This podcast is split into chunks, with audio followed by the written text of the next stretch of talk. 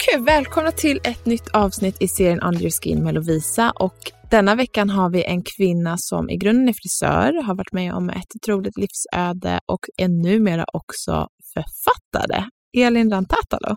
Hej! Hej! Hej! Sa jag ditt efternamn rätt nu? Nej, Nej, Rantatalo. Rantatalo, Ja, okej. Men alla, alla uttalar mitt eh, namn fel så att eh, jag har... Det känns så för sve- så svenskat att bara Rantatalo. När man... ja, nej, Var men, kommer eh, det ifrån? Ja, men, eh, min, eh, min man är född och uppvuxen i Kiruna och eh, delar av hans familj från Tornedalen. Så att det kommer därifrån eh, och betyder strandhus eller strandgård. Men gud vad fint. Ja, Wow. men jag heter Axelsson som ogift. Okej, det är lite enklare att uttala. Det var enkelt på den tiden. nu är det lite, fler, lite, lite svårare att säga, men det är okej. Mm. Nej men vad kul. Idag är ju faktiskt dagen du släpper din allra första bok som heter Livet utan ben går vidare. Hur känns det? Det känns eh, som eh, att ett stort äntligen, äntligen är den här och den är ute och framförallt så är den skriven för det fanns eh, en period där jag funderade på ifall eh, jag verkligen skulle orka skriva den här boken. Så idag så känner jag en väldigt eh, skön känsla av lätthet i, i både kropp och, och sinne att den nu Den är Finns. ute. Ja, Hur lång tid tog det att skriva? ja men det tog eh, sex till nio månader ungefär. Och då hade du någon, var det bara du som skrev eller har du haft någon liksom, hjälp från förlaget? Och så? Eh, jag har skrivit eh, boken på egen hand. Eh, sen har jag haft en förläggare som hjälpt mig att granska och rätta till fel och formulera om saker och ting som har varit jättebra hjälp. Men det är jag som är huvudförfattaren till, till boken. Och boken handlar ju om det som 2019 skulle komma att förändra ditt liv och vardag. Men innan vi, vi pratar om det så tänker jag att vi dyker ner lite i ditt liv. Hur ditt liv var innan det. För du är ju frisör och vi har ju jobbat mycket tillsammans med eh, mitt företag Under your skin. Eh, där du har, vi har haft alla möjliga olika typer av samarbeten, gjort lives på Instagram och pratat om hår och grejer. Så jag tänkte helt enkelt, du är uppvuxen och född i Vetlanda, eller hur? Mm, ja, Mm, precis. mm. Hur var, hur var liksom din vardag innan allt det här? Ja, jag eh, har två barn som är födda 2013 och 2015. Så att jag, jag levde med dem och eh, min man i, i en villa och eh, hade en egen salong som hette Salong Stilrum som jag drev som, eh, som frisör där jag jobbade. Mm. Ehm, men jag startade företaget 2011 om jag minns rätt. Och livet som så var ju bara någonting som pågick och flöt på. Inga, inga hinder eller något sådant. Det var, ja, det var bara jättebra allting, tänkte jag säga. Men jag trivdes väldigt, eh, väldigt bra eh, med livet där och då. Eh, jag hade snurr på min verksamhet, jag hade så mycket goda kunder. Mm. Jag fick eh, jobba med det jag älskade. Hur var det att jobba som frisör? Jag tänker man kommer så himla nära människor. Inte bara så här att man, man gör hår, men man kommer ju verkligen... Det känns som att alla sitter i frisörstolen och alltid pratar så mycket. Mm, ja, det är just eh, den eh, kontakten med kunderna som... Alltså ibland var det nästan som att det, det var det bästa av allt. Det uppmärksammade jag sen när jag väl hade tvingats att sluta som frisör. Mm. Men eh, kundmötena är otroligt värdefulla.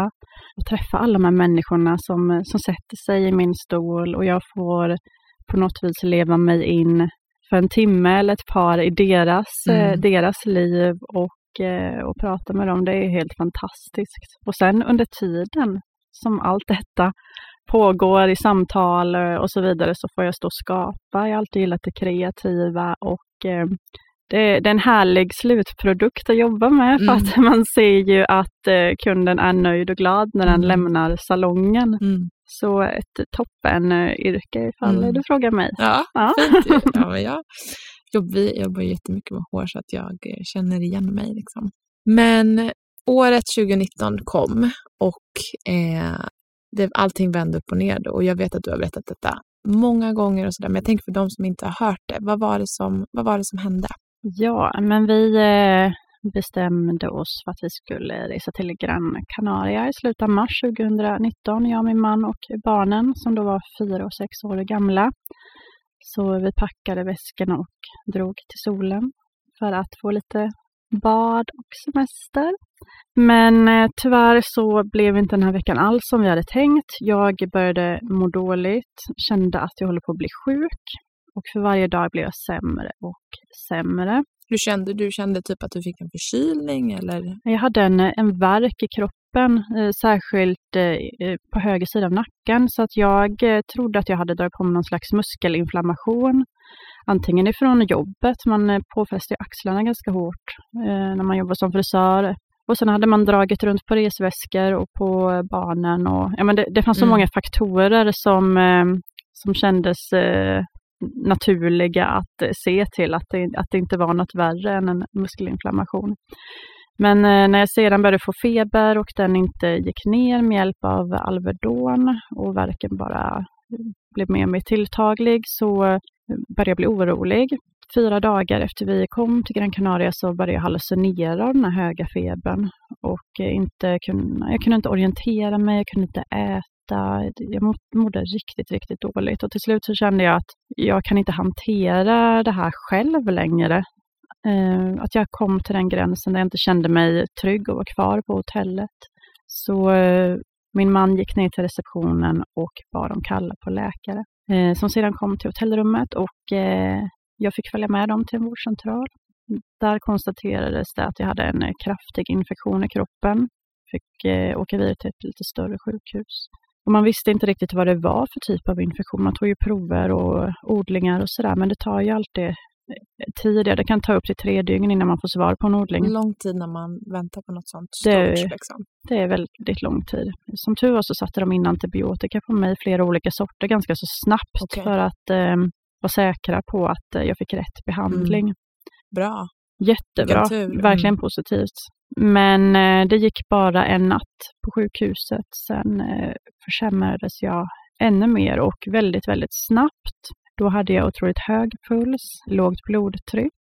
Jag hade bara legat och skrikit egentligen i, eh, i den här sängen. Kommer jag, du ihåg mycket av det här? Nej, Nej. Jag, jag minns inte det. Jag, jag minns inte min, eh, min tid där på sjukhuset. Men jag har fått det beskrivet för mig. Och var din man och dina barn, var de där? Kunde de vara där då? Liksom? Ja, de var där och hälsade på dag ett och dag två. För senare, dag två, så eh, gick det så himla snabbt och jag kunde till slut inte syresätta mig. Så att de eh, försatte mig i eh, respirator och koma. Så när min man kom med barnen dagen efter och skulle hälsa på mig igen så fick han beskedet om att den här infektionen nu hade blivit livshotande. Och de fick också svaren ifrån eh, odlingen att eh, jag hade drabbats av en streptokockerinfektion som eh, innehöll streptokocker grupp A-bakterier. Min huvuddiagnos blev nekrotiserande fascit, vilket betyder vävnadsdöd. Så de här bakterierna hade börjat angripa min, min kropp, både på ytan och inuti. Mm. Så att jag eh, drabbades av det man kallar för en septisk chock med multiorgansvikt. Och det blev, eh, det blev fara för mitt liv. Det var otroligt ostadigt allting och eh, det slutade med att min man fick beskedet senare samma vecka att jag inte skulle överleva. Så den semesterresan blev inte som... Nej, verkligen inte. Och du, hur länge låg du nedsövd? Jag låg 18 dagar i Spanien innan jag kunde flygas hem med ambulansflygplan till Sverige. Och eh, när jag kom till Linköpings eh, universitetssjukhus så låg jag nedsövd och i respirator ytterligare ett par dagar efter det. Så att Okej. omkring tre veckor Mm. ungefär totalt var jag borta. Jag tänker så här för din, din man och dina barn när allt det här hände. Liksom, hur har de beskrivit sina känslor kring de där dagarna just när allting bara vände på två sekunder? Liksom? Jag tänker du, eftersom du inte kommer ihåg så mycket. Nej, alltså det blev ju, det blev ju kaos i min mans huvud. Han, han eh, visste nog inte riktigt hur, hur han skulle bära sig åt för att eh, få kontroll på det som, de, det som skedde. För det var ju så många delar. Han hade sig själv att tänka på, han hade barnen att tänka på och sedan så låg jag på ett eh, sjukhus eh, med döden flåsande i nacken Ja. eh, utomlands. Och hans tankar gick ju kring allt, hur, eh, hur han ska berätta för barnen, hur får man hem, han hade googlat att hur får man med sig en kropp Om hem. fy. Han redde i eh, sjukskrivningar, alltså det var ju så mycket, jag hade ju, Gick han in i liksom action mode? ja det Ja. gjorde han verkligen, det var den här överlevnadschock, Mm. eh, chock. alltså den, han hamnade i den chocken som gör att man bara matar sig Mm, igenom det Igenom. eh, strategiskt och eh, framåt så. Också när man har barn, att det, det, man känner ju igen den. Jag- inte, kan inte säga att jag varit med om någonting liknande, men när man har barn så blir man ju också bara så här, okej, vad är nästa? Man lever ju för någon annan mer än vad man lever för sig själv, så man ser ju också bara dem, vilket på gott och ont i den situationen kan jag tänka mig. Ja men precis, det, det är ju tack vare dem man, eh, man har kunnat ta sig vidare på Mm. något sätt. Eh, Men det var nog många tankar som snurrade där och eh, han fick ju inte ha med sig barnen in till mig på sjukhuset efter jag, låg, efter jag hade blivit nedsövd. Och det Okej. var väl bra det. Eh, Men vi fick väldigt mycket hjälp av sjukhuset. Eh, De kontaktade Svenska kyrkan som låg där. Så helt plötsligt så såg man storheten i att det faktiskt finns svenska kyrkor på olika semesterorter runt om i världen. Så att de tog med sig barnen och gick till kyrkan och pysslade och bjöd dem på mat och liksom försökte hjälpa oss så gott de kunde. Gud vad fint. Ja men helt otroligt. Jag blev Ja. så, så rörd. Jag, jag är själv inte religiös men eh, man, eh, den tacksamheten eh, Mm. den är ju ovärderlig. Mm. Alltså det är helt otroligt. Eh, Så stort tack till Svenska Mm. kyrkan, verkligen. Men eh, sen fick vi också, eller vi, ja, vi och de fick eh, också väldigt god hjälp av eh, hotellet vi bodde på som såg till att de fick mat upp på rummet Oh, wow. både min man och barnen och de kom med presenter till barnen och blommor. Och, Gud vad fint. ja, men det, Det är fint att se hur människor så sluter upp när någonting sånt händer för människor man inte ens känner eller pratar samma språk. Liksom. ja, det, är, det är helt otroligt. Jag, eh, Då min, får man hopp. Ja, det får man. Ja, min man eh, tog bilder på blommorna och allt sådär så jag har fått se efteråt Mm. att, eh, att det verkligen var så också. Jag har sparat tackkortet från, eller tackkortet, jag har sparat eh, krya på dig-kortet och sådär Ja. ifrån hotellet. Så de, det är de här små sakerna, de här små Mm. gesterna som man verkligen eh, blir så tacksam Mm. för när det blåser som, som mest. ja, verkligen. Men sen då kom du hem till Sverige och ehm, vad hände när du vaknade? När man väckte dig då? Ja, men när jag vaknade så trodde jag först och främst att, att det inte hade gått så lång tid. Jag trodde att jag bara hade sovit någon natt eller sådär. Jag hade ju inte förstått att jag hade varit nersövd eller att jag hade haft respirator. Jag, jag förstod ingenting. Däremot så insåg jag ju att jag var på IVA och då så förstod jag ju att det var ett allvarligt läge. Att det jag hade känt under semesterdagarna där, det var ju på riktigt. Att det var, det var ingenting som hade gått över av sig självt som jag först hoppades på. Och det var så många tankar att ta sig igenom och fundera på och eh, när man är så sjuk som jag var då så sover man så otroligt mycket så att de små stunderna där jag var vaken hann jag liksom aldrig tänka färdigt. Mina tankar, att det var som jag började om på noll varenda gång jag vaknar upp igen. Så det tog, eh, men det tog egentligen någon vecka kanske efter att de väckte mig eh, ur koman som, eh, som jag började bli lite mer orienterad i tid och Mm. rum. Och då när jag fick höra och kunde ta in vad det var som hade hänt mig så det enda jag kunde känna var att jag var så sjukt tacksam. Alltså jag var så glad. Jag, det var som att jag hade aldrig känt mig lyckligare i hela mitt liv. Och det, det är många som tycker att det, det är märkligt att jag Mm. kände som jag gjorde verkligen det. Jag kunde känna typ fjärilar i magen där jag låg och var sjukt, ja men jag var så så, så sjuk var jag och jag hade eh, drabbats av sådana otroliga skador på kroppen som jag just då kanske inte var helt medveten om. Men Nej. i första hand var jag bara så glad att jag levde. Wow, fint. Mm. Den tacksamheten som kommer när man, liksom, som när man som frisk tänker att liksom, man, man, den tacksamheten har man ju inte när man inte är där på något sätt. Nej, det blir ett helt annat perspektiv på det. Mm. Och sen då, hade man varit tvungen att ta bort kroppsdelar då? Eller kom det efteråt? Eh, ja, men det var ju så här att eh, på grund av eh, sepsisen så hade jag fått infektioner på min höft eh, som hade lett till stora nekroser. Och den delen var man tvungen att operera först. Min hud klarade sig inte alls där. Okej. Så att det första man gjorde var att eh, plocka bort all död vävnad ända ner på eh, höftben och muskelvävnaden. För att sedan ersätta det med, med ny hud, så man gjorde en hudtransplantation till en början. Mm. Tog man hud då från... Ifrån framsidan av mina lår tog man hud Okej, ja. Mm. och, eh, och flyttade till, eh, till höften för att kunna sluta. Det här, eh, Fantastiskt att man kan göra så. ja men gud ja. Och det här såret var ju som två eh, stora, hand, eller fem stora handflator. Så att det var jätte, Oj! det var jättestort, eller det är jättestort. Ja. Ja. Det var ett stort område som, som var mest kritiskt just när jag kom till Sverige att ta hand om. Mm. Sen hade ju mina fötter och mina fingrar på grund av det här giftet, eller hur jag ska förklara det, som, eh, som börjar spridas i kroppen under en blodförgiftning eller en sepsis. Eh, De, de, de små toxinerna hade ju tagit död på de här minsta blodkärlen Mm. som man har längst ut på kroppen så att säga. Och vid ett tillfälle så såg jag mina fötter såg ut. Även de hade drabbats av eh, nekroser. De var svarta, grå, Kunde, du missfärgade. röra, kunde du röra dem? Eller De- de, nej. nej de, Det var det man kallar för droppfötter, så de, var, de bara hängde och de gjorde fruktansvärt ont. Jag led av stora, stora smärtor. Men när jag såg mina fötter, som jag är väldigt glad över att jag faktiskt såg, mm. inte just vid det tillfället kanske, men jag insåg ju att ifall jag ska ta mig härifrån så kan jag inte ha med mig fötterna tillbaka, att de måste bort.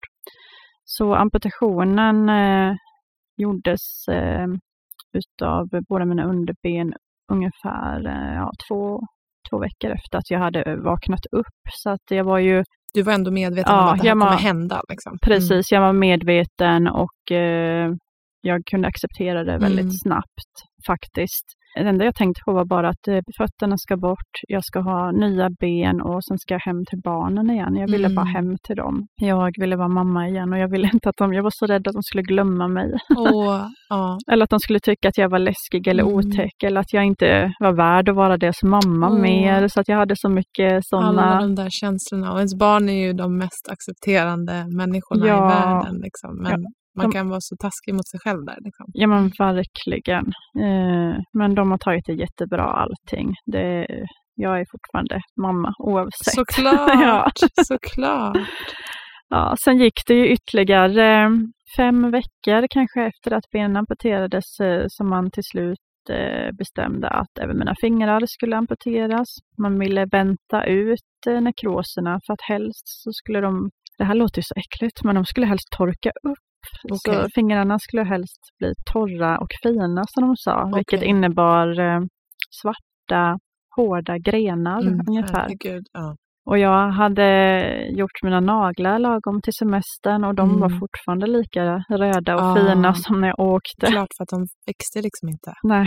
Så att det var, eh, ja, jag hade svarta fingrar och eh, sommarröda naglar. Det såg ut som en skräckfilm. Kändes det på något sätt, eftersom att du ändå var i det stadiet, i den situationen, att så här, de var svarta, inte, du kunde inte röra dem, kändes det på något sätt enklare då att acceptera att jag antar att det var enklare att förstå att okej, men om jag ska gå ut härifrån så kan jag ha med mig de här. Liksom. Jag, att, jag förstod ju på en gång att jag skulle förlora mina fingrar också, men jag hade så svårt att acceptera allt vad det skulle innebära. Jag, eh, det enda jag tänkte på var ju mitt jobb. Ja, vad, jag är ju frisör. Det, och det här med att vara frisör, det är ju en del av ens identitet Ja, eller sådär ja. verkligen. Så att jag kände mig eh, fråntagen mitt jobb. Jag har eh, liknat det med att det kändes som att mitt livs största kärlek bara lämnade mig Mm. utan att, att liksom förvarna. mm. Att det har varit svårt att komma över och jag kände en oro alltså rent eh, kring allt ekonomiskt och tryggheten. Att vad finns det för mig att komma tillbaka till? När jag, Mm. inte, när jag, jag har förlorat så många delar av mig själv, varit med om detta. Jag har inte ens mitt jobb att, eh, att komma tillbaka till Vem är jag detta. utan allt det här? Ja, liksom? ja, precis. Vem, vem är jag nu? Så det var väldigt, eh, väldigt mycket jobbigare att förlora fingrarna än, eh, än fötterna på det viset. Faktiskt. Och ifall jag hade haft kvar mina fingrar idag så är jag ganska övertygad om att jag hade fortsatt Mm. som, eh, som frisör. Frisör, Ja, jag mm. saknar det jättemycket. Ja. Det gör jag.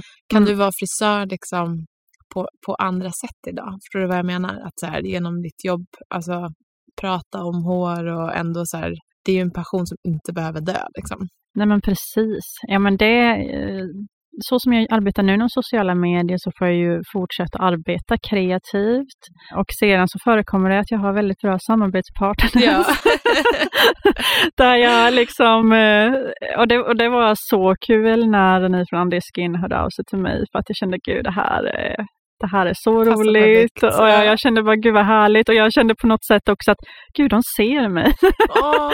ja, så det betyder väldigt mycket för mig. Eh, sen, eh, det är fortfarande så att vänner och, och sådär ber mig om råd och frågar mm. hur ska jag göra med mitt hår? Hur ska jag för, vad ska jag för produkter? Det kan följa och jag får väldigt mycket frågor kring, kring hår och skötsel och sådär. Mm. Och jag tycker det är jättekul. Jag klipper ju håret på min dotter. Ja, du gör det? Ja. ja. Jag kan liksom inte, normalt när man klipper håret så håller man ju liksom en passé. Ja, precis. Så här. Men det, och sen saxen i min högra hand. Saxen går okej okay att hålla. Det är inte ergonomiskt bra. Eh, men det är helt kört att hålla en passé med hår med min vänstra hand. För att jag har ju bara eh, lite av tummen och pekfingret kvar. Mm. Men eh, ifall jag använder kammen, liksom, hon har långt hår, så jag kan kamma hennes hår neråt och sen, och sen klippa. Men eh, hon är tio nu och hon säger att hon vill gärna gå till en riktig frisör. Oh.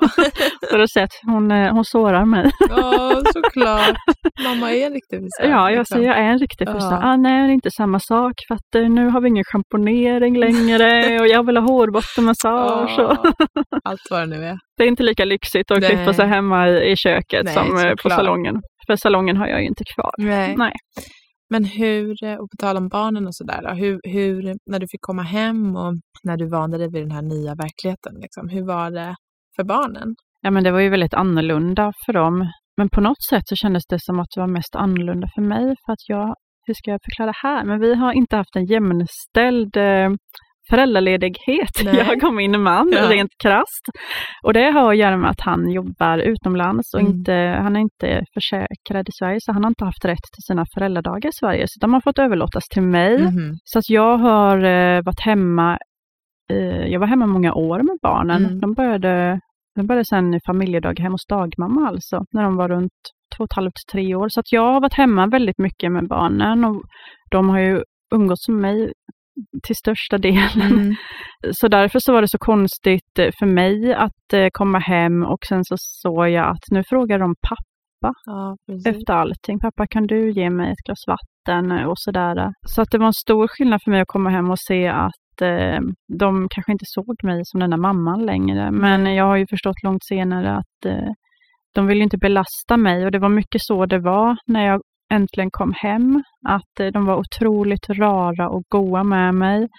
Jag satt i rullstol till en början och de ville så gärna, de bråkade nästan om vem som skulle köra mig och de vill, det var så kul för de ville att jag skulle komma sen när de började förskolan och komma till förskolan och hämta dem fast jag satt i rullstol och det här. Och de var väl en väldigt bra ålder på det viset för att det var ju spännande det här med en rullstol. Mm. Det tyckte alla deras mm. kompisar också. Fint. Sen så var det vid ett tillfälle jag skulle hämtade dem en eftermiddag på, på förskolan. Det var soligt och varmt. Och, ja. Jag tror att jag kanske hade på mig ett par lite kortare byxor eller någon kjol eller klänning. Och eh, så man såg mina ben, mina proteser. Då hade jag proteserna på mig och då så ropar en av barnens kompisar till mig att Elin, har du fått nya ben nu? och det var liksom så här, jag bara, ja, det har jag ja, fått. Och det var, ja, det är bara så här. Ja. Det är något så fint med barn, de har så många nyanser som man själv inte liksom tänker på och för dem är det så självklart. Ja, men det är ju det. Ja. De är inte alls eh, krångeliga så att eh, men tiden när jag kom hem eh, kändes mestadels bara bra och barnen har verkligen tagit allt detta mm. otroligt, otroligt bra. För det var man ju orolig för såklart hur de skulle reagera, för sånt vet man ju aldrig. Mm. Och du nämnde nu att du har proteser nu och när du kom in här, jag skulle inte kunna, alltså jag hade ju aldrig tänkt på att du inte har liksom underbenet kvar, alltså någonsin. Hur har den resan varit med proteser? För visst, du kan ju gå, du kan springa, mm. eller hur med proteserna? Ja. Hur har den resan varit? Ja, men den har varit väldigt positiv egentligen. Jag eh, kände på en gång att ja, men jag ska gå igen, jag ska göra allt jag har gjort tidigare. Mm. Jag, jag, var väldigt målmedveten och ville framåt. Så att jag har, eh, kunnat anpassa mig till mina nya ben väldigt ja. bra. Jag bestämde mig för att eh, mina hjälpmedel ska liksom ses som mina viktigaste och närmsta vänner och har anammat det verkligen. Mm. Eh, så att det har inte varit svårt för mig att acceptera att eh, det är de de jag behöver. Nej. Sen har det varit gånger jag kan känna frustration över hur de ser ut. Alltså det är sådana där grejer, att man vet att det finns jättefina proteser som ser jätterealistiska ut och mm. allting och sen så får man inte det eh, här i Sverige. Nej, okay. Det handlar mycket om pengar. Mm. Men jag har hittat andra eh, andra företag som gör som covers till proteser, ungefär som mobilskal. Aha. Så kan jag sätta dit skal på mina proteser okay. så att jag har eh, i guldmetallic och jag har i eh, roséglitter mm -hmm. och så att det liksom blivit som en rolig accessoar. Ja, verkligen. Ja. kan rocka till det. Liksom. Ja, så att eh, det känns jättekul. Men det är någonting man, du har fått liksom mycket vad ska man säga, statlig hjälp med, alltså själva proteserna och hela den biten? Ja, av, eh, av regionerna så får man ju ett par proteser. Sen har de ju en, en ram eller en standard över hur, hur mycket det får kosta eller sådär. Har du fått mycket, liksom, jag tänker, man kan ju tänka sig att mycket fysisk hjälp erbjuds, men har du fått mycket så här, psykisk hjälp och hjälp att bearbeta och prata och, och den biten? Liksom? Ja, men jag eh, erbjöds eh, hjälp och psykologsamtal under min eh, rehabperiod Eh, jag tackade ja till det och gick till psykolog kanske en eller två gånger. Mycket för att jag var nyfiken. Jag hade aldrig eh, träffat en psykolog Nej. tidigare. så jag var liksom, liksom, lite nyfiken, vad är det här ja. för person? Jag var liksom lite nyfiken på henne nästan. Ja, jag, jag såg det liksom som så här, en erfarenhet. Ja. Eh, men jag insåg att det inte var rätt, eh, rätt väg för mig. Nej. Så egentligen rent krast så nej, har jag inte tagit någon hjälp wow, alls. måste jag säga. Du är så positiv och så, det känns som att det är så bearbetat. Vad, vad tror du har varit din terapi? Liksom? Ja, jag, eh, men, det, det, är svårt att prata om det här för jag vill inte trampa någon annan på tårna, men jag kände själv att jag jag, jag erbjöds ju antidepressiva mm. och sånt, men jag ville inte ta det för att jag kände att jag kan inte skjuta det framför mig. Att det här traumat som jag har med mig, jag måste känna först hur det känns och hur det är att leva med och vad jag kommer ha för förhållande till det innan jag vet vad jag behöver för hjälp och ifall jag behöver ta läkemedel för att liksom komma över det. Mm.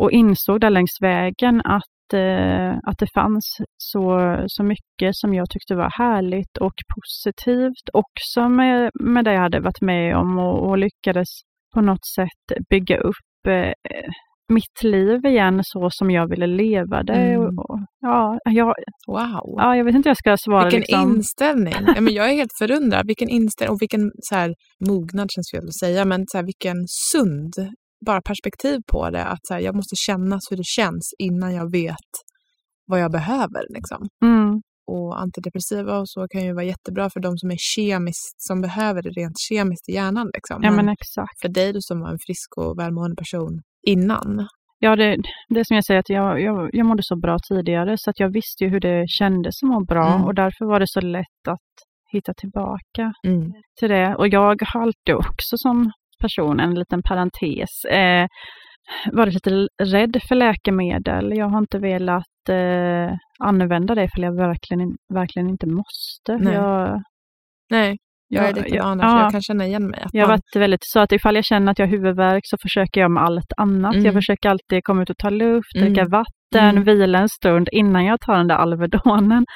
Men det är ju någonstans att man vill gå till roten av problemet istället för att behandla symptomen. Liksom. Ja, men precis. Och att man, jag tycker ibland så till och med när man är sjuk och typ har feber och sånt, att man kan säga, men jag vill känna hur jag mår. Ja. Inte bedöva det, för då vet jag inte. Liksom, precis, ja, men eh, exakt så är det. Att jag, jag vill verkligen känna eh, kontakten med min mm. kropp. Mm.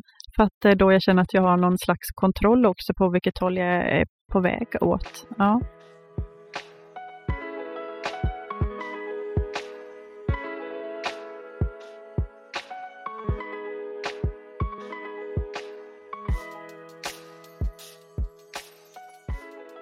Kan det ibland bli jobbigt att behöva identifieras med det som hände?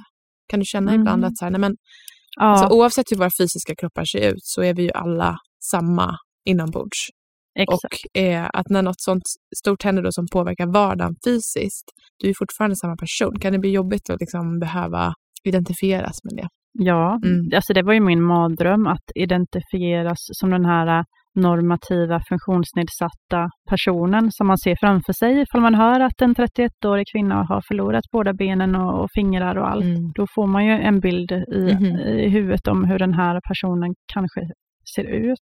Jag ville inte bli identifierad så. Jag ville, jag ville ju vara synlig för den jag är. Så Mm.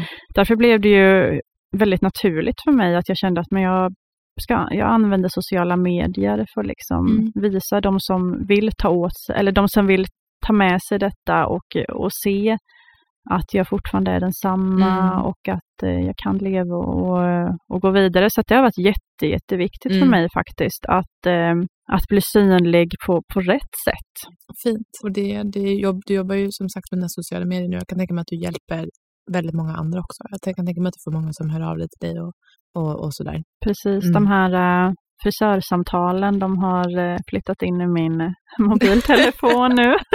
jag har dem där istället. Ja, Ja, Fint ju! ja, Allting faller ja på plats. det är så liksom. fint. Alltså, Ja. Det är så många människor som öppnar sig och vill berätta. Och, ja, det är otroligt vilken urkraft man, man sitter på när man Mm. eh, helt plötsligt börjar dela med sig av motgångar och sånt som känns eh, svårt. Mm. Om, om det är någon som lyssnar som går igenom något liknande trauma, det kan ju vara vad som helst, vad hade du velat skicka med den personen? Liksom? att vara öppen med, med sina känslor och våga prata om Mm. det eh, och vara ärlig mot sig själv. Att eh, tänka vad, vad är det som kommer göra att eh, det här kommer kännas lättare för mig. Mm. Det kan vara alla möjliga småsaker. För mig blev det jätteviktigt, till exempel en period att eh, trots att jag var en nagel kvar på hela kroppen Mm. så gick jag till salong och fixade Ah. min nagel ett tag. Jag gör inte det längre, men jag gjorde det då för att jag kände att ah, men ifall jag har en nagel då ska den liksom vara Ja. fin. Men det kan vara så här små grejer som Mm. man bara... Mm. Och Nej. det där är så fint också att vara öppen och dela med sig. För att vi alla, oavsett hur en situation ser ut, så går vi ofta igenom samma känslor. Mm, Och att dela med sig, det, det kan bli så kraftfullt ja men verkligen. för Det, alla inblandade. Liksom. Och också uppmuntra andra till att dela med sig. När man själv delar med sig gör man ju indirekt. Liksom. mm, Mm. Ja. Att, Mm. att prata och samtala, det, det tror jag Mm. är eh, otroligt bra för Mm. att ta sig igenom saker Mm. och ting. Verkligen. Du får öppna coachingmottagningen. Ja, gud vad kul. Hade Ja. jag fått, eh, fått ännu mer frisör. Exakt, det är det jag tänker. Ja. Ja, det är ju underbart. Ja. Men finns det någonting som, liksom, vad är dina framtidsdrömmar? Vad är det du drömmer om i framtiden? Oj, eh, det, det är så himla stort. Mm. Eh, Så att det är så svårt också att prata om på något vis. Men så som mitt liv ser ut så är jag väldigt eh, tillfreds. Jag är otroligt tacksam över att jag har kunnat fortsätta och driva mitt företag så Mm. som jag gör. För jag trivs väldigt bra med att vara egenföretagare. Det, det öppnar upp så många dörrar. Jag är inte låst någonstans och jag kan leva mitt liv som, som jag Mm. önskar. Nu efter boken är skriven så det här året, eh, 2023, har jag även eh, börjat föreläsa. Kul. Så att, ja, Mm. jätteroligt. Jag har tidigare haft väldigt mycket scenskräck Mhm. så här i skolan och så när Mm. man skulle hålla föredrag. Mm. Men att föreläsa och veta att det är min historia jag berättar och inte om någon gammal kung eller sådär, det har verkligen förändrat eh, ja. mitt sätt eh, på hur jag känner inför att stå för Mm. andra människor. Eh, och det här med att förmedla mina känslor och beröra, jag tycker att det är helt eh, underbart. Så jag hoppas att jag kommer få föreläsa mer. Jag har alltid gillat att skriva, så att nu ska jag inte lova för mycket. Nej. Men jag hade kanske, det, det var lite sorgligt när boken var färdig och jag Ah. kände att jaha, nu var det skrivandet. Du vill fylla det, med någon... men det kanske hade varit kul att skriva någon bok någon gång. Gud kanske. vad spännande. Ja. Hade du velat skriva mer utifrån dig själv eller liksom fiktivt? Eh, ja, men jag har en idé med en, en fiktiv eh, person, om, Mm. egentligen om mig själv, hur, hur vad jag hade levt för liv ifall jag inte hade blivit så sjuk. Gud vad spännande. Bygga upp min, eh, min lilla drömvärld där jag Ja. fortsätter på salongen eller ja, Mm. vad det nu än kan Mm. vara som, som skulle ske då. Eller kanske någon barnbok. Mm. Jag, jag märker ju att eh, barn är nyfikna, de har Mm. lätt att ta till sig saker och man har väldigt lätt att, forma dem tänkte jag säga och få dem att förstå och Mm. tänka efter. Och, Verkligen. så att jag känner att en, en barnbok i mitt perspektiv vad som hände med mig kanske hade varit Ja. eh, någonting också. Mm. Robotmamman eller något sånt där. Ja. det finns så många idéer där, men gud vad spännande. Men Ja. helt enkelt föreläsa mer och kanske skriva någon bok och, och fortsätta leva. Ja men, ja, men egentligen bara fortsätta som, Mm. som jag gör just nu. Sen har jag ju, ibland känner jag bara att eh, ja, någon, någon dag så kanske jag bara får för mig att sluta med allt och då, då vill jag jobba inom vården. Ja. Så, Fint. ja, jag, Det där brukar jag också tänka att, så livet är så långt. Man, det finns plats för så många olika grejer. ja, Man behöver inte bara det. göra en sak. Liksom. Nej, nej Mm. men verkligen inte. Så att, eh, jag känner att jag hela tiden eh, bara ser massa olika möjligheter. Mm. Ifall inte en sak funkar då har jag jättemycket andra på min lista som Mm. jag liksom vill ta mig an. Underbart. Älskar kreativiteten bara flödar. Ja. Nej, men så här är det. Jag brukar alltid ställa tre sista frågor till mina gäster. Mm. Jag tänker att det är dags för mig. Jag tänker också att vi kör en liten specialare eftersom du är frisör. Vi har ju många här, lyssnare och följare som följer oss som är väldigt intresserade av hår. Så kör vi fyra sista frågor istället med. Ah, så börjar okej, vi med en liten eh, hårfråga. Då. Vad, vad är dina tre bästa tips för att liksom, behandla sitt hår naturligt och få det att må så bra som möjligt? Eh, ja, men eh, man behöver inte tvätta det varje dag för Nej. det första. Dra ner på tvättningarna. Mm. Inte överdriva med eh, produkter, alltså inte konsumera för mycket stylingprodukter i håret. Mm. Jag tycker själv att eh, håret håller sig fräschare ifall eh, man fönar det. Mhm. Det upplever jag också. Det blir alltså lite mer luft i det. Liksom. Ja, man, och, man, eh, och någonting som du gav som tips mig, jag tänker, på, jag tänker faktiskt på dig varje gång jag duschar ska jag säga, och tvättar mitt hår, det är att man tvättar ofta håret för slarvigt. ja, Att det är liksom, och sen du sa det så är jag så noggrann och det är sant. Det Mm. håller sig renare så mycket längre. Och nu har vi, bör- börjar vi säga det till våra kunder och sådär också, att så här, man slarvar ofta. ja, ja, men bra. För Ja. att eh, det är ju så att egentligen är det inte själva håret som vi behöver gnugga rent, utan det är hårbotten. Det är ju där, precis som huden, vi tvättar ju ansiktet Mm. varje dag och tar hand om eh, ansiktet och smörjer och grejer med hur mycket tar vi egentligen hand om våran hårbotten och Mm. tänker på den, som också är en del av, eh, Mm. av huden. Mm.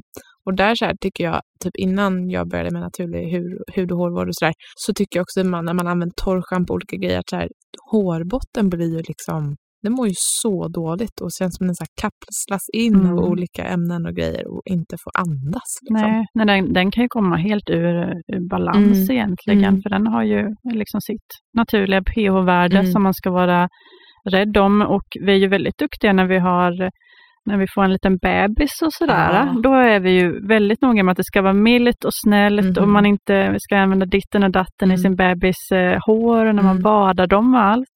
Och det där borde man ju tänka på resten av livet. Det där är så eh, intressant tycker jag, hur det är så här, nej men typ BVC och läkare och så, så bara rekommenderar liksom, nej det här kan man inte använda på barn eller så här, det här ska inte barn äta, barn ska inte äta ris mer än två gånger i veckan eller vad det är och använd inte det här på huden. Och då kan jag bli så här, men hur bra är det för oss vuxna då? Absolut att de är känsliga, Mm. men hur bra är det för oss då också? Ja, ja men precis. Och jag eh, känner att jag är fortfarande väldigt... Jag, är, jag går så här under lupp och sitter och pillar i mina barns hårbotten och tittar hur den Mhm. mår. Liksom. Mhm. Sitter och bläddrar bland deras hårstrån och Ja. bara oj, här var du lite röd. Ja, du, alltså när jag gör det på min dotter kan jag säga, hon häller så mycket sand i sin hårbotten, jag vet inte vad jag ska Aha. göra. Alltså, Och inte den vad- perioden har vi också gått Ah, jag vet inte igenom. vad jag ska ta mig till liksom. Så Det- fort jag öppnar hennes hårbotten, jag bara nej, this is a lost case. Liksom. Ja, men på, på med lite schampo och se det som, eh, som en peeling. Ja, ja, typ alltså. Det är så roligt. Ja, Sand är ju naturligt i alla fall. ja, precis. Det är så vi får tänka. Mm. Jag vet inte hur fräscht det är med så här sandlådeförskola, men eh, det är Nej. bra att se det som en liten peeling. Det är en fas. Det är, det är en fas, Ja. det är sant. Ja, Mm. Den har varit i ett år nu, så får vi hoppas att den är över snart.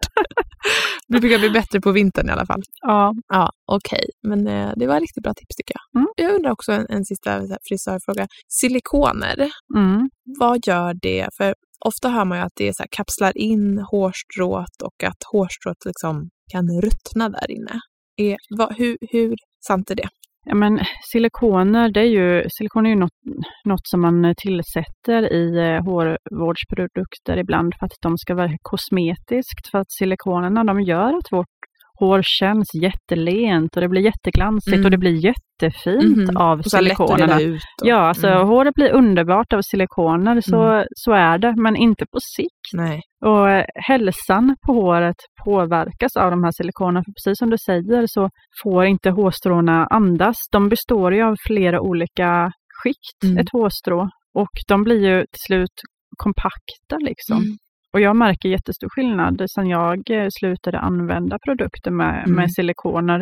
Och jag förstår att många, ifall de börjar använda naturlig hårvatt, de provar en gång och känner bara nej gud, Mm. det här blev jättehemskt, Mm. mitt hår blev strävt, Mm. det känns inte som vanligt, Mm. det är inte samma glans och så vidare. För det är eh, något man måste vänja Ja. både sig själv och håret vid Mm. att eh, nu är det slut på de här eh, kosmetiska tillsatserna. Verkligen. Det känns också som att på något sätt att hårets typ, alltså så här, riktiga hälsa typ kommer fram när man slutar med det där och då kan folk bli så här, nej, mitt hår blir jättetorrt eller mitt hår, ja men det känns som en avvänjningsprocess liksom.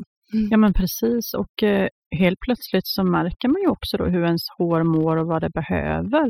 Mm. Att man kanske har använt eh, för lite fukt eller för Mm. mycket fukt eller för att eh, till slut så kan ju inte hårstrået bli så mättat så det kan ju inte ta emot mer Nej. till slut.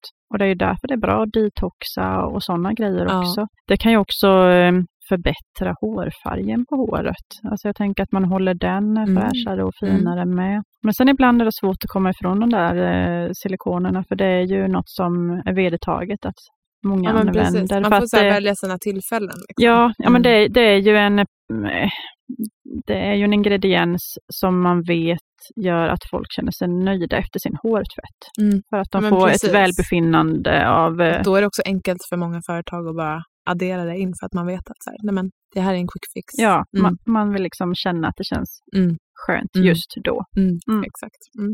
Ja, men tack för ett bra hårtips. Mm. Grymt. Mm. Eh, då går vi vidare till de tre sista frågorna som, som handlar om annat än hårvård. Ja.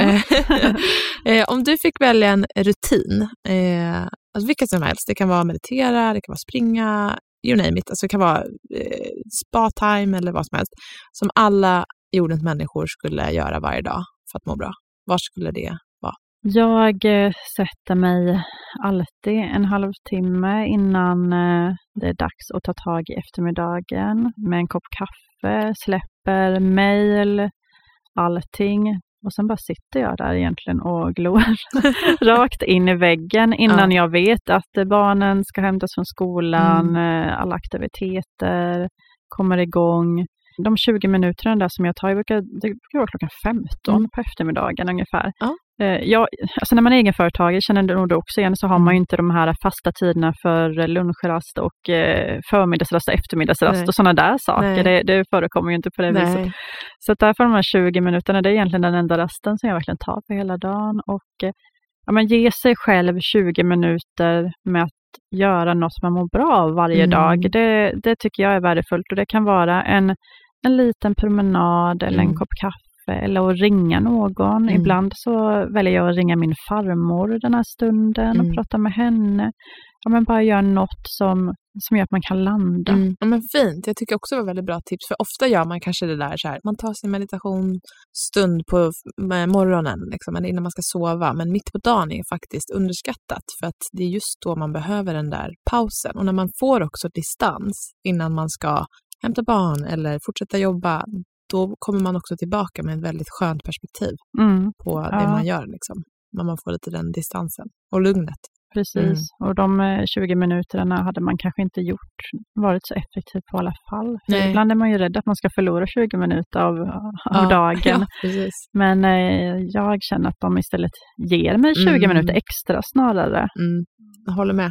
Det, man blir mer produktiv. Mm. Och nästa fråga. Vad tror du att vi som generation behöver göra för att få nästkommande generation att må så bra som möjligt? Det kan vara liksom, borde vi begränsa sociala medier? Borde vi, alltså egentligen hur vi ska behandla våra barn för att, för att de ska bli så bra generation som möjligt. Ja, vad ska vi göra? Mm. Ehm, men jag, hur jag är som förälder så försöker jag aldrig, jag, jag kan försöka vägleda barnen men jag försöker på något vis inte påverka dem så mycket utan istället fråga dem. Ifall de kommer med en åsikt så brukar jag fråga dem, men var, varför tycker du så? Eller varför känner du så? Eller hur, hur blir det då? Eller vad hände? Mm. Att, att jag, jag vill inte styra in barnen på saker, utan jag vill få dem att reflektera själva Mm. över vad är det som eh, känns bra och dåligt i magen. Mm. Och eh, men, gå mycket på känslor och ja, bara tänka sig in. Det är väldigt fint, för man öppnar också dörren in till att de får iaktta sina egna känslor. Mm. Att de får tänka över hur känns det nu? Varför känns det så? Det bildar verkligen medvetna personer i framtiden. Ja, men det är det jag Mm. hoppas, att de liksom kan... Eh, jag ska ta min man som ett exempel här nu, men han kommer nog inte lyssna ändå. Nej, men han är en typisk sån här bilförare Mm. som eh, ligger bakom någon och som blir irriterad och bara gud varför kör han så långsamt eller varför bromsar han nu eller du vet. Mm. Medan jag när jag kör, jag tänker bara ifall det är någon som är med framför mig som kör lite konstigt, tänker jag att den här personen kanske har nyligen varit med om en bilolycka. Mm. Det kanske är första gången den här personen är ute och kör på Ja. vägen efter det. Eh, eller den kanske har en helt så här, de kanske har varit på BB och ska hem med sin Ah. bebis för första gången. Du vet, Det är jag, så sant. Ja, Jag tänker bara liksom att alla människor har sina skäl till varför de Mm. gör som de gör. Och, och eh, det är det som jag vill få barnen Få att tänka ja. på också. Ja, det där är så fint. Det är som eh, Björn Natthiko Lindeblad som pratar om att så här, alltid ha en öppen hand. Att så här, du vet aldrig vad någon annan går igenom. Och också inställning hela tiden, så här, men jag kan ha fel. Att det, den Mm. mentaliteten, inställningen är ju så fin när man möter andra människor. För Mm. det, om alla bara hade en liten skopa av den inställningen så blir man mycket snällare mot sig själv och varandra. Tror jag. Ja, alltså den Mm. där, eh, jag älskar snällhet. Ja. Det var en sån snäll eh, man här nu som jobbade på eh, tunnelbanan när jag skulle Ja. lösa en biljett. Jag har alltid åkt taxi tidigare hela tiden. Så kände jag bara, nej men idag ska jag ta mig an tunnelbanan. Ja. Jag har inte åkt det själv någon gång. Jag Nej. åkte med andra så jag har inte behövt tänka vart jag ska. Nej, men den gången var jag tvungen att tänka själv. Och den här snälla mannen som jobbar i informationen, han liksom hjälpte mig, förklarade för mig, tog sig tid och jag bara, ja tack. Ja. Och, han och jag bara, tack för att du ställer fråga till mig. Gullig. Och han bara, jag skulle vilja fråga dig så mycket egentligen. Nej, fint. Alltså det där gör så mycket när man möter människor i vardagen. Ja, och jag, jag fick en helt ny bild av mm. Stockholms tunnelbana. helt plötsligt så kändes den inte så rå och snabb och, och kall, utan när jag liksom tog rulltrappan ner så kände jag mig varm och Ja, omfamnad Den och var trygg. lite mer snäll. Ja, ja. Gud vad fint. Nej, men det, det där känns som någonting vi alla kan bli bättre på. Kanske framförallt i Sverige där man helst inte pratar med varandra. Mm. Att, så här, att prata med varandra och ge, liksom, det du ger det får du tillbaka. Mm. Och det man fokuserar på det växer som min mamma alltid brukar säga. Och det är så sant. ja, men så är det. Mm. Det är verkligen sådär. Mm. Ja, Mm. tankens kraft kan Mm. styra mycket. Ja, verkligen. Mm. Sista frågan är då, eh, vem hade du velat se som gäst i podden?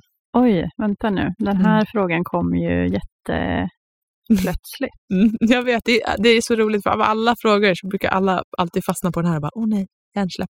Men jag skulle vilja ha någon som gäst som också kanske jobbar med hårvård eller har Mm. gjort, och, Mm. men inte med ekologisk hårvård. Åh, spännande. Nu har jag inte full koll på, på vilka, Nej. vilka jag ska peka ut, så, men Nej. jag tänker att eh, nu, nu äger ju inte Isabella Löwengrip Nej, det länge, precis. men hon... eh, Absolut. Jag tänker en bra att, kandidat. ja, Mm. och eh, Ida Varg har ju Mm. också något. Ja, det är Mm. ju så många som har Det är egen som, men det, där, det var riktigt bra. För det hade varit Kul. kul, kul att höra den, eh, de tankarna Ja. ja. sinsemellan, Ja. hur, hur, ni, eh, hur ni uppfattar saker och tänker och funderar. Det, det är roligt. Ja, men det där är en riktigt bra idé. Jag tänker också att kemist kan vara bra. Som Ja. också har så insyn om olika ingredienser och så här. Ja men precis, för jag får ju mycket frågor från mina följare om era produkter, Mm. vad det är. Bara, men vilken ingrediens är det som gör att eh, håret eh, liksom börjar eh, Mm. växa och, Mm. och så vidare? Mm. Eh, och varför känns mitt hår... Alltså det, det hade varit jätteintressant även för mig att få lära mig mer om hur de olika ingredienserna i produkterna verkar på, Ja. på sina sätt och vad de gör tillsammans. Mm, definitivt. Vi ska ta in kemisten här som får prata. Det skulle vara jättekul tror jag. Ja, det hade varit strålande. Ja, ja, ni, ni som lyssnar får hojta om ni håller med. Mm. Men Elin, tack så jättemycket för ett otroligt inspirerande, upplyftande och fint samtal. Jag beundrar verkligen din inställning till livet och jag tror att de som lyssnar också gör det. Så tack så jättemycket. Men tack Och snälla. gå och köp Elins bok nu. Ja, det får ni göra. Ja. Den är ute i handen idag. Tack snälla Lovisa Tack för att så jag fick komma. jättemycket. Tack, Ja. vi ses. Det gör vi. Hej då. Ja, vad fint.